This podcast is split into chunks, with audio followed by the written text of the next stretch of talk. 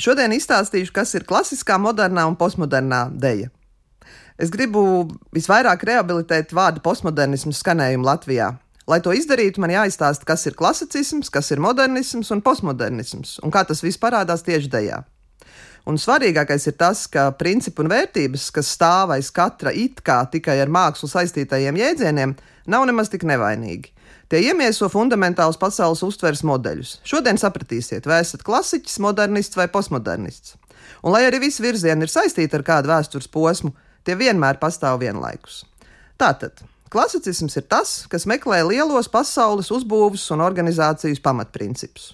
Dejas vēstures kontekstā tas ir laiks, ko uzskata par klasiskā baleta dzimšanu. Luīs 14. Francija, karalis, saule, pacelšanās pāri visam dabiskajam, ilūzija par nemainīgumu, varu, sakārtotību, absolūtismu laikmets, valsts, tas esmu es. Tās ir vērtības, kuras iemieso un uztur klasiskais balets. Tieši tāpēc balets ir tīkams autoritārām varām. Tikpat labi der Krievijas impērijā, vai PSRS, vai Ķīnā un attiecīgi nāk komplektā ar pārākumu apziņu, ar uzskatu, ka balets atrodas dejas hierarhijas virsotnē. Bet tad modernisms attapās, ka runājot par tām pasaules lielajām fundamentālajām lietām, ir piemirsts pats cilvēks. Un tā nu, ar Freidu un, un citiem domātājiem līdz pat 20. gadsimta 60. gadiem notiek tāda cilvēka pētīšana līdz pagurumam. Tas ir arī tāds modernās dēļas laiks, kas sāk ar baleta kritizēšanu, rauj nost visus uzslāņojumus un ierobežojumus, dejo basām kājām, izpauž savus emocijas, meklē iedvesmu senatnē un nacionālajās kultūrās, runā par šodienas tēmām un cieši sadarbojas ar citu nozaru māksliniekiem.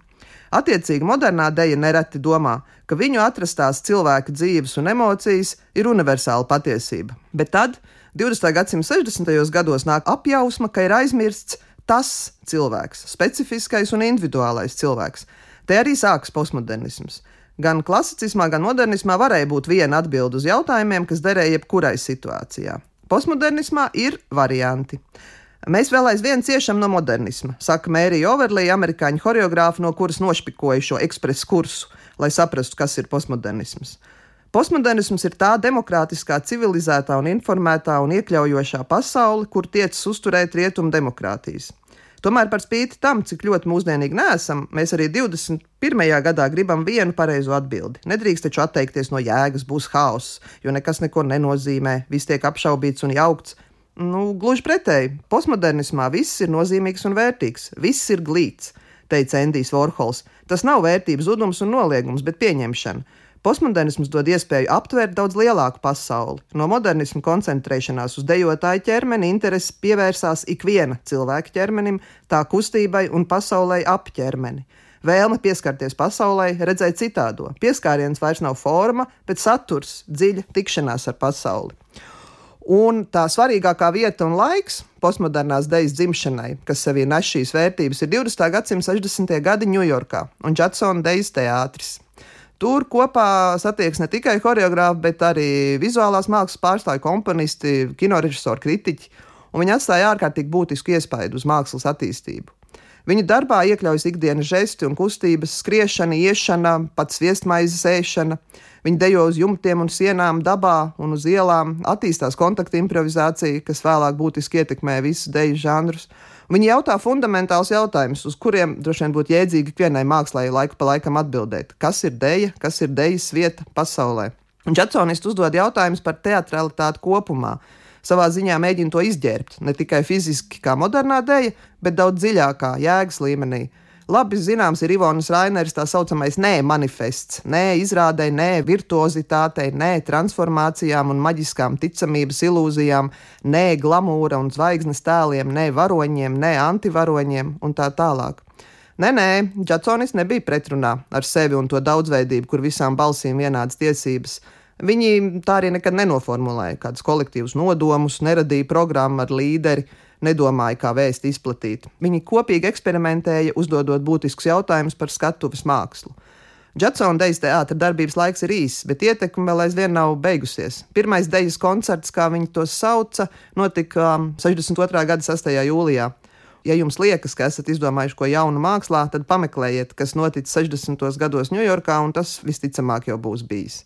Pirms pāris gadiem bija lieliski izstāde Ņujorkas Modernās Mākslas muzejā MOMA, un arī palēmējās aiziet. Viņa saucās Judson Dance Theatre, The Work is Never Done.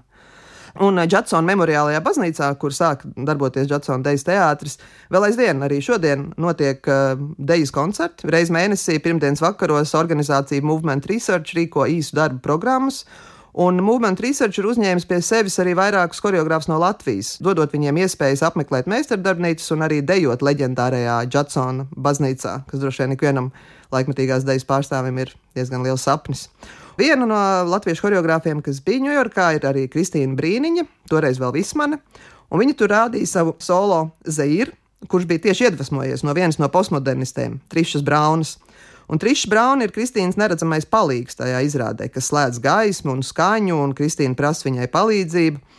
Interesanti ir tas, ka Kristīna savu darbu ir rādījusi ne tikai Rīgā un Ņujorkā, bet 2014. gadā, novembrī, arī Modernās Dejas festivālā Vitebskā, kas nu ir pavisam cita telpa pasaulē.